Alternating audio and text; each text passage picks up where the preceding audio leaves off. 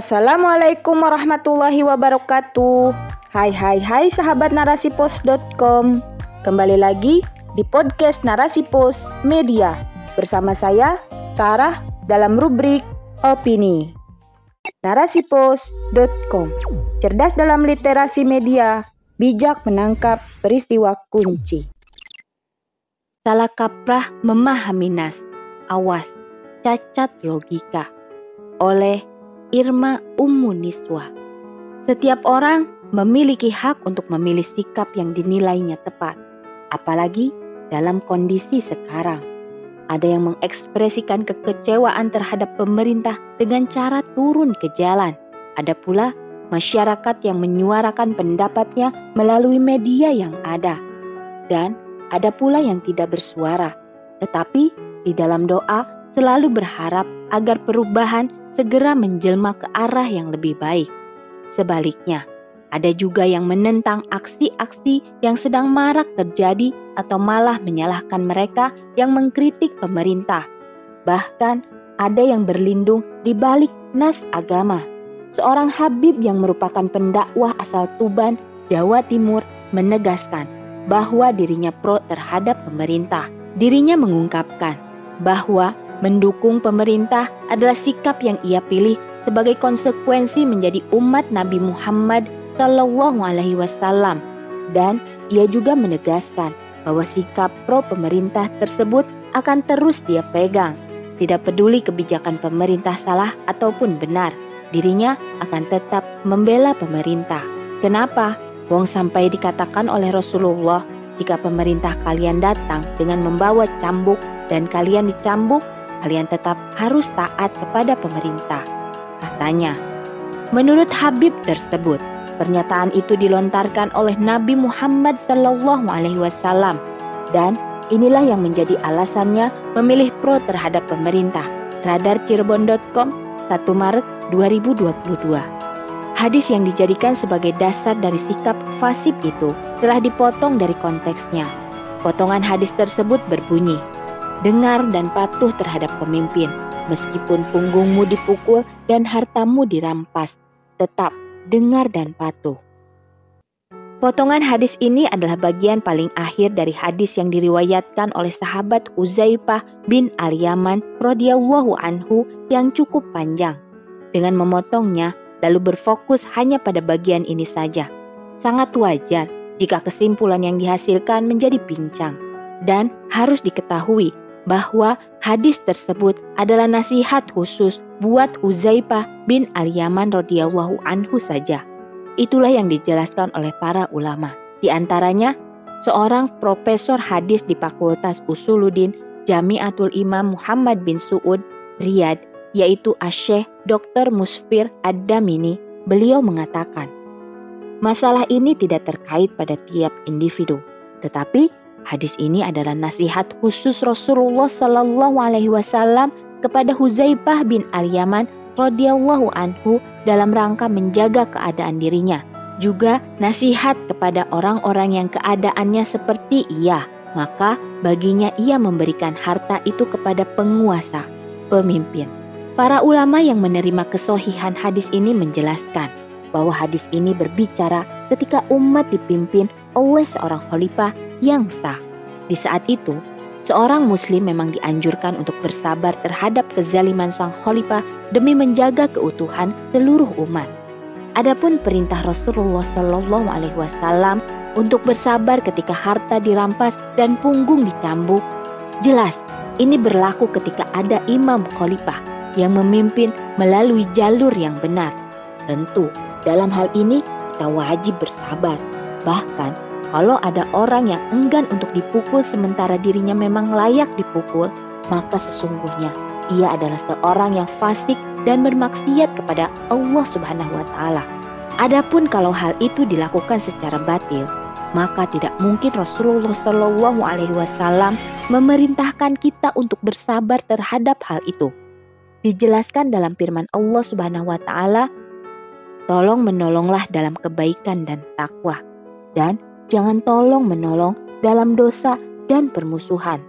Quran surat Al-Maidah ayat 2. Dan kita tentu tahu bahwa sabda Rasulullah Shallallahu Alaihi Wasallam tidak mungkin bertentangan dengan firman Allah Subhanahu Wa Taala dan dia Muhammad tidaklah berbicara dari dorongan hawa nafsunya, akan tetapi ucapannya tiada lain adalah wahyu yang disampaikan kepadanya. Quran Surat An-Najm ayat 3 4. Republika.co.id 13 Oktober 2020. Di tangan pemerintah saat ini, agama Islam terus dikerdilkan dan dipermainkan dengan lisan mereka. Mereka berdusta, mengubah-ubah firman Allah taala dan hadis Rasulullah Shallallahu alaihi wasallam serta berbuat kebatilan yang menyakiti hati umat muslim. Agama hanya dijadikan sebagai identitas, bukan sebagai tiang kehidupan dunia dan penyelamat diri di akhirat nanti. Makna agama tidak lagi ada di sistem kerajaan demokrasi yang dijunjung tinggi para rakyat Indonesia. Mereka memahamkan kepada orang lain maksud yang berbeda dengan sabda Rasulullah Shallallahu Alaihi Wasallam, baik dengan sindiran maupun terang-terangan. Adapun secara sindiran, yaitu mereka memutar-mutar lisannya dan memberikan kesan bahwa itulah maksud sabda Rasulullah Shallallahu Alaihi Wasallam. Padahal tidak seperti itu maksudnya. Mereka melakukannya untuk menyesatkan manusia dari jalan Allah Subhanahu wa taala dan juga mendapatkan sebagian kehidupan dunia yang hina. Mereka melakukannya dalam keadaan mengetahui kebenaran, namun mereka menyembunyikan dan menampakkan sebaliknya di hadapan manusia.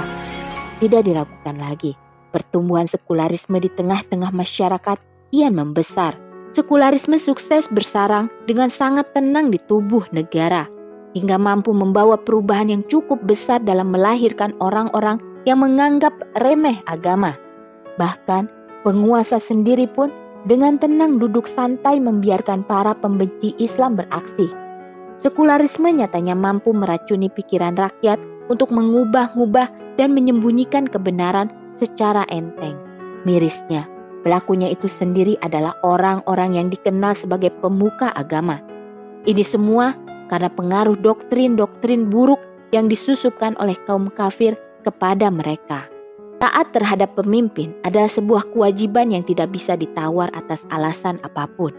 Ketaatan kepadanya adalah ketaatan bersyarat selama ia tidak bermaksiat kepada Allah dan Rasul-Nya. Maka harusnya kita taat pada pemimpin yang telah memenuhi dasar-dasar kepemimpinan berikut. Pertama, tidak mengambil dari orang-orang kafir atau orang yang tidak beriman kepada Allah Subhanahu wa taala dan rasulnya sebagai pemimpin bagi umat muslim. Karena bagaimanapun itu pasti akan memengaruhi kualitas keberagaman rakyat yang dipimpinnya.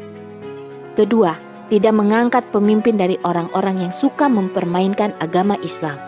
Ketiga, pemimpin harus mempunyai keahlian di bidangnya Pemberian wewenang atau tugas kepada pemimpin yang tidak kompeten akan mengakibatkan rusaknya pekerjaan bahkan organisasi yang menaunginya. Sebagaimana sabda Rasulullah Shallallahu Alaihi Wasallam, apabila suatu urusan diserahkan kepada yang bukan ahlinya, maka tunggulah masa kehancurannya. Hadis riwayat Bukhari dan Muslim. Keempat, pemimpin harus bisa diterima oleh umatnya mencintai dan dicintai umatnya, mendoakan dan didoakan oleh umatnya, sebagaimana sabda Rasulullah Shallallahu Alaihi Wasallam. Sebaik-baiknya pemimpin adalah mereka yang kamu cintai dan mencintai kamu. Kamu berdoa untuk mereka dan mereka berdoa untuk kamu. Seburuk-buruk pemimpin adalah mereka yang kamu benci dan yang membenci kamu. Kamu melaknati mereka dan yang melaknati kamu. Kelima, Pemimpin harus membela, mengutamakan, atau mendahulukan kepentingan umat, menegakkan keadilan, serta melaksanakan syariat Islam, berjuang menghilangkan segala bentuk kemungkaran, kekufuran, kekacauan, dan juga fitnah di tengah-tengah umat.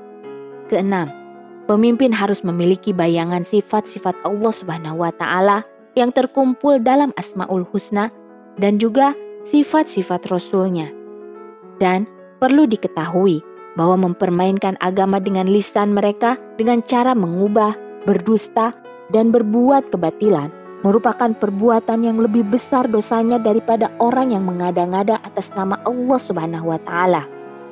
Tanpa ilmu, mereka berdusta atas nama Allah Subhanahu wa taala, kemudian menggabungkan antara menghilangkan makna dan hak dan menetapkan makna yang batil. Mereka juga membawa lafaz yang menunjukkan kebenaran kepada makna yang rusak dalam keadaan mereka mengetahui. Syariat Islam adalah syariat yang sempurna, mengatur seluruh aspek kehidupan manusia. Meskipun hal-hal kecil pun yang mungkin kita anggap remeh, misalnya adab buang air atau adab hubungan badan antara suami istri. Jika hal-hal semacam itu saja diatur dalam syariat Islam, maka bagaimana dengan hal-hal besar yang menyangkut hajat hidup orang banyak? Tentu lebih layak lagi diatur oleh syariat Islam. Untuk itulah, diperlukan junnah atau perisai atas umat muslim di seluruh penjuru dunia di mana syariat dan akidah Islam ditegakkan di dalamnya. Tidak ada yang berani mempermainkan agama Islam yang merupakan agama rahmatan lil alamin. Bahkan seluruh makhluk pun teriayah olehnya dan semua itu hanya akan bisa terwujud dalam naungan daulah hilafah Islamiyah. Wallahu a'lam bisawab.